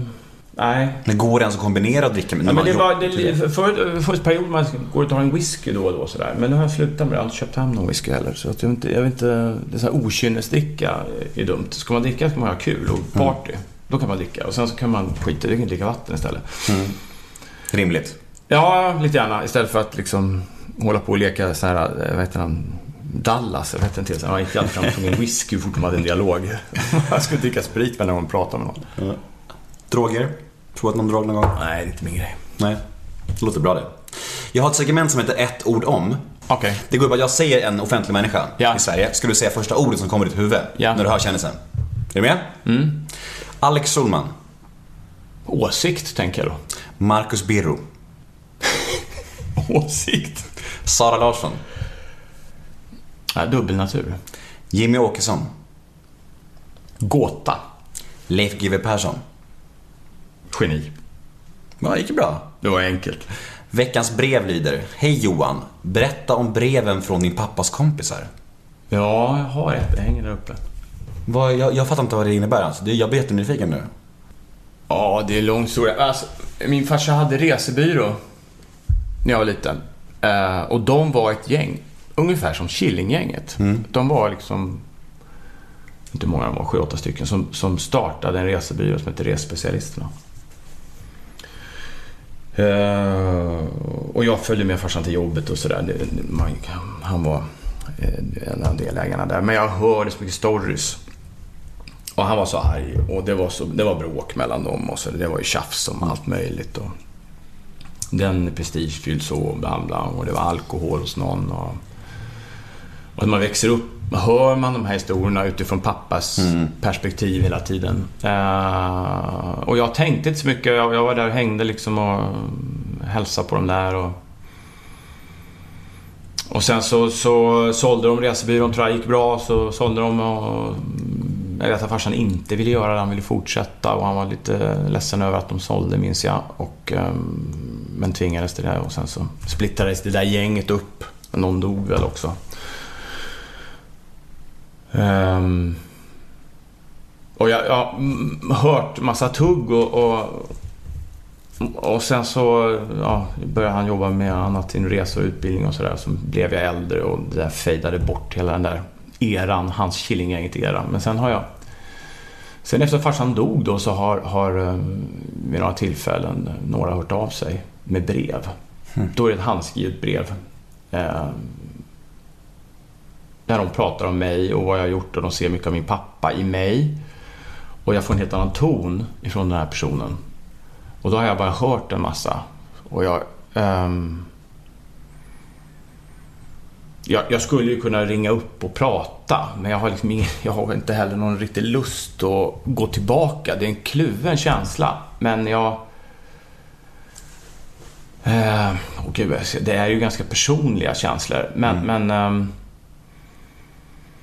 jag har tänkt, så mycket dels har jag tänkt på allt, allt jag har hört och sådär och jag tror väl att eh, det är som jag säger, så att du frågar, om du frågar vem utav oss i, om allt faller så får du olika svar. Jag, har ju hört pappas historia, jag har aldrig hört de andras. Jag har förstått att det var liksom en, det var en väldig karusell. Det gick ju extremt bra ett tag och, och det var liksom, eh, det var bra snurr på allt möjligt. De åkte runt jorden och hade skitroligt. Så det, det har nog varit mycket äventyr i det där, i det där gänget också.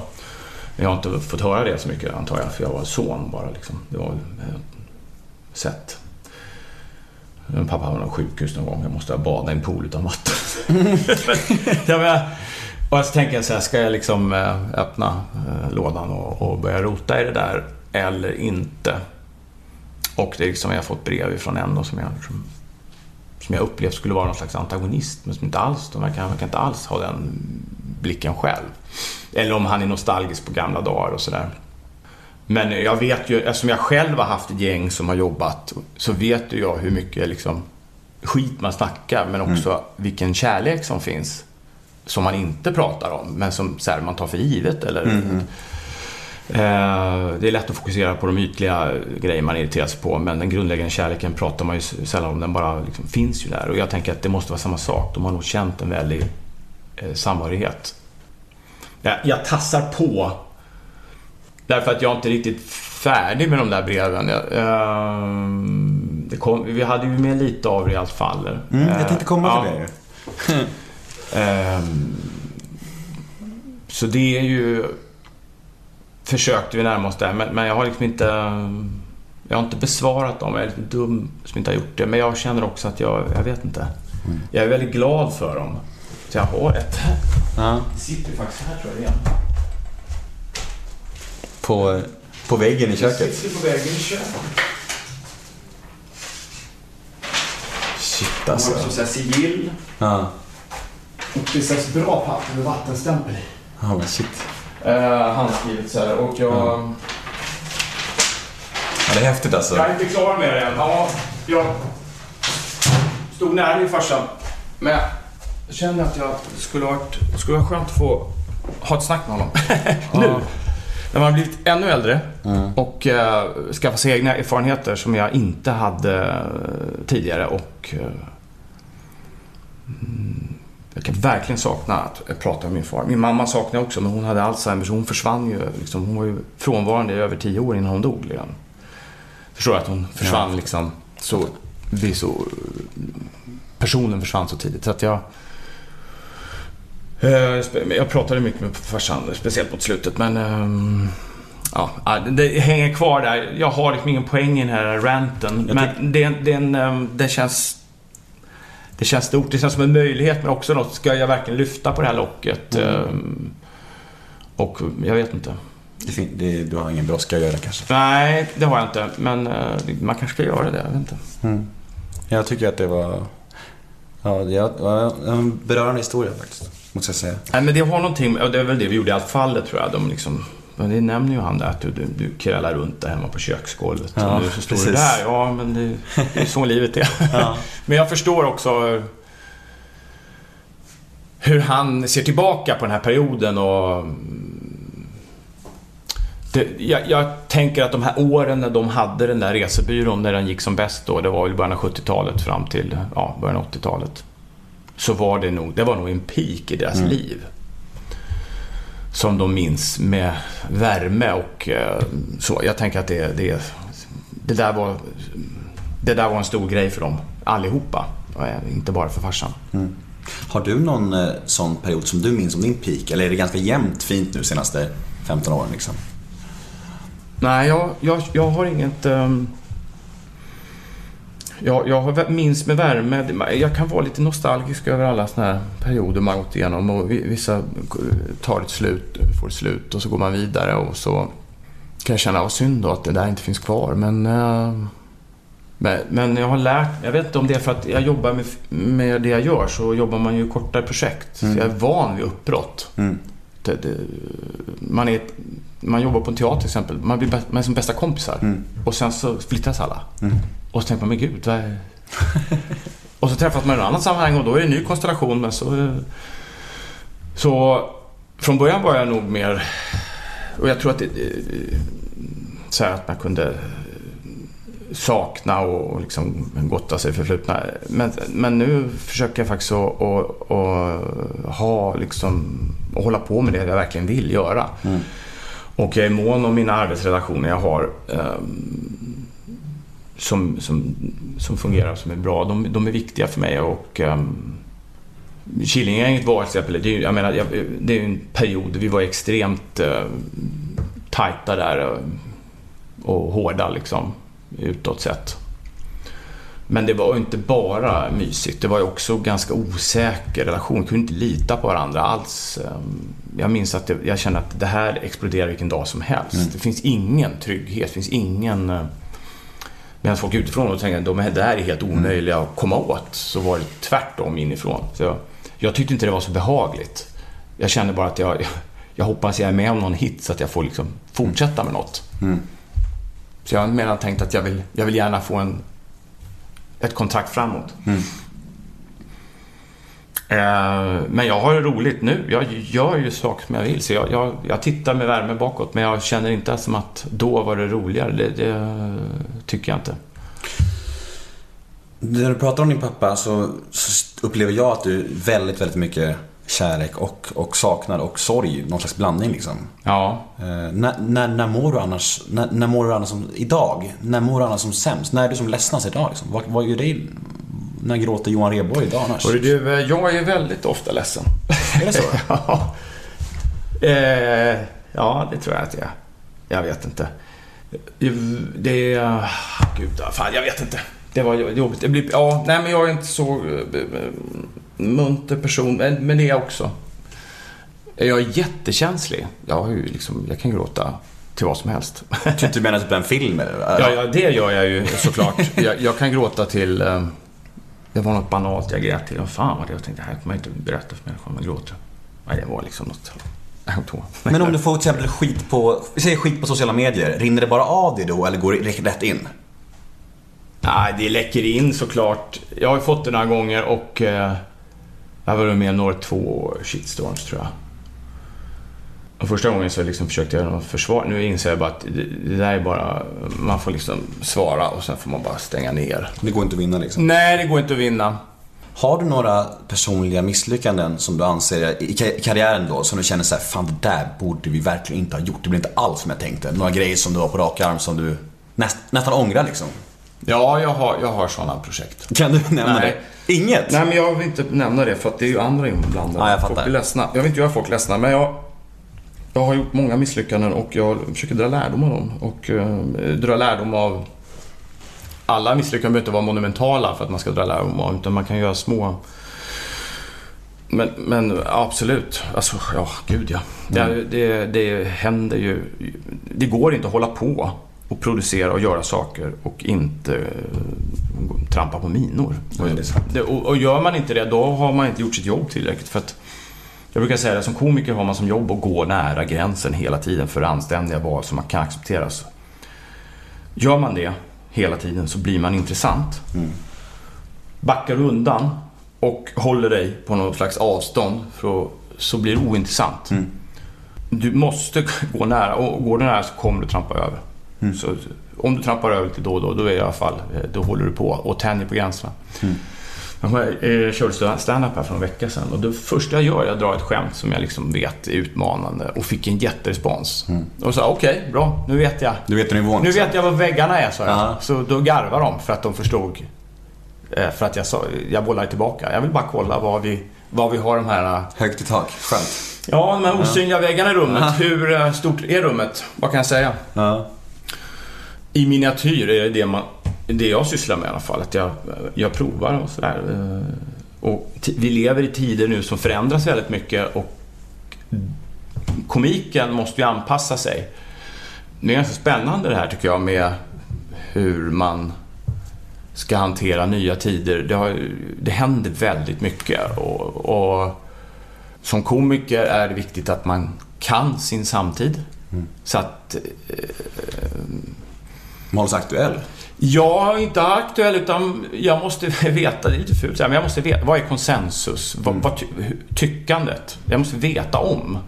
Det här är bra, det här är inte okej nu. Det här är okej nu att säga. Det här är inte okej att säga. Det här värderas bra, det här värderas dåligt. Utan att lägga några värderingar i de här så måste jag känna till det för att kunna förhålla mig. Jag kommer ihåg att vi hade en amerikansk komiker på Norra Brunn. Han skulle köra på, på Kina-teatern och så bjöds han in att köra 10 minuter på Norra Brunn om han ville. Så tackade han ja, kom. Eh, inte den största sådär, men en, en som turnerar runt. Han går upp på Norra Brunn och kör så jävla dåligt material. Jag bara. Det bör, han pratar om att brudar var hoes. Du står i Sverige och säger att brudar är horor. Eh, du har ingen koll. Det var tyst där inne och han var you know, och han försökte med sin swagger liksom få igång det. Men eh, han har inte gjort läxan. Eh, inte jätteframgångsrik i Sverige kanske just nu. Ska inte åka utomlands och köra på teater om du inte ens orkar. Jag kan ju inte åka till Kina och köra mitt material som det är och tänka sig att det här ska bita. De kommer faktiskt inte fatta något om jag ska prata kinesiska, men... men förstår du vad jag menar? Ja, jag fattar. Ma- Och... eh, eh, det, så man måste utmana gränsen, man måste också känna till läget. Så, eh, det är mycket nu att diskuteras om, man får inte skämta om, det får man visst. Man får skämta om, det frågan hur man gör det och och i vissa fall så handlar det om att det där får man bara ignorera. Att folk, blir- vissa blir upprörda och det, det, får man, det kan man inte ta hänsyn till. Det, det är, någonstans får man ju kolla vad kan jag, vad kan jag liksom leva med själv. Men, men ett visst mått av provokation måste man ju ha. det är också ointressant. Det är en avvägning. Ja, där. Eh, det, men, att, men att vara safe, det finns ju inte. Ja, Om man inte vill vara helt anonym. Dags för sista frågan. Hur ser framtiden och drömmarna ut för Johan Rheborg? Alltså hur, tänk så här, du får ju ha en väldigt frihet som jag är inne på. Du får göra ganska mycket olika saker. Vad har du kvar i drömmål och vad vill du göra liksom framöver? Nej, men jag har massor av drömmar. Ja. Eh, Berätta. Nej. Nej, nej, skit Man ska inte jinxa grejerna. Nej. Nej, men jag, jag hoppas ju på få, få fortsätta med det jag gör. Mm. Och att det är att göra intressanta jobb som är utmanande och eh, engagerande. Jag har ju flera projekt som jag hoppas på. Men jag är faktiskt just nu lite sådär... Vi har ju haft stor period av Solsidan. Jag och Morgon Tobias har gått eh, liksom efter det, eller samtidigt delvis. Som har också hållit på i flera år. Liksom, Som har varit en stor... Båda de känns liksom, även det kanske görs mer, men det känns ändå som att eh, liksom, det har varit en, en lång period. Den börjar ändå lida mot sitt slut, de där två. Så um, jag tänker jättemycket på vad jag ska göra framåt. eh, Men jag, och jag vill utvecklas. Eh, och jag kan tänka mig att eh, jag vill ju gärna också testa andra genrer. Och hur det ska se ut, det vet inte jag ännu. Men Det finns mycket ogjort, som jag ser det. Ehm, Och att ha humor som motor i grunden är liksom bra, även om man gör annat. Ja, jag har gjort mera på scenen än på TV i andra, alltså andra genrer. Men jag, så... mm, Jag skämtar gärna. Men eh, jag vill gärna också utvecklas och eh, testa nya genrer. Jag vet inte vart det leder. Vi får se. Nej men vi, vi säger, vi låter lyssnarna att gå och se långfilmer på bio. Ja, det tycker jag de ska göra. Definitivt. Och så tycker jag att man ska gå in på din hemsida och kolla din standup, tycker jag också. Ja, ja, ja. Ja. Har du något mer du vill marknadsföra? Nu har chansen. Eh, ja, jag kommer spela i en man som heter Ove i Göteborg nästa höst. Den tycker jag man ska se. Det är en av de eh, grejerna jag är riktigt, stolt över att jag har gjort. Grymt. Eh, ja, det är en bra föreställning. Och sen spelar jag Bullet over Broadway. Den är också väldigt bra faktiskt. Göta Lejon va? På Göta Lejon nu. Fan vad jag kan påläst. Ja, jag har läst på. Det är bra. Ja. Eh, Jag vill säga jättetack för att jag fick komma hit och spela in det med dig. Tack själv. Och om man vill nå dig på sociala medier, vart finns du? Jag finns på Instagram. Canvis Nose. Mm. Vad är det för namn egentligen? Det är en gata i Barcelona som heter Carrera del Fan jag har undrat det länge alltså. Ja, ja. Ja, Canvis Nose på Instagram och Twitter va? Eh, ja, just det. In och följ Johan Rheborg och eh, jag heter Nemo Idén på Twitter och Instagram. Hashtaggen är NEMOMÖTER. In och gilla oss på Facebook, Nemo möter en vän. Tack Johan Rheborg. Tack själv.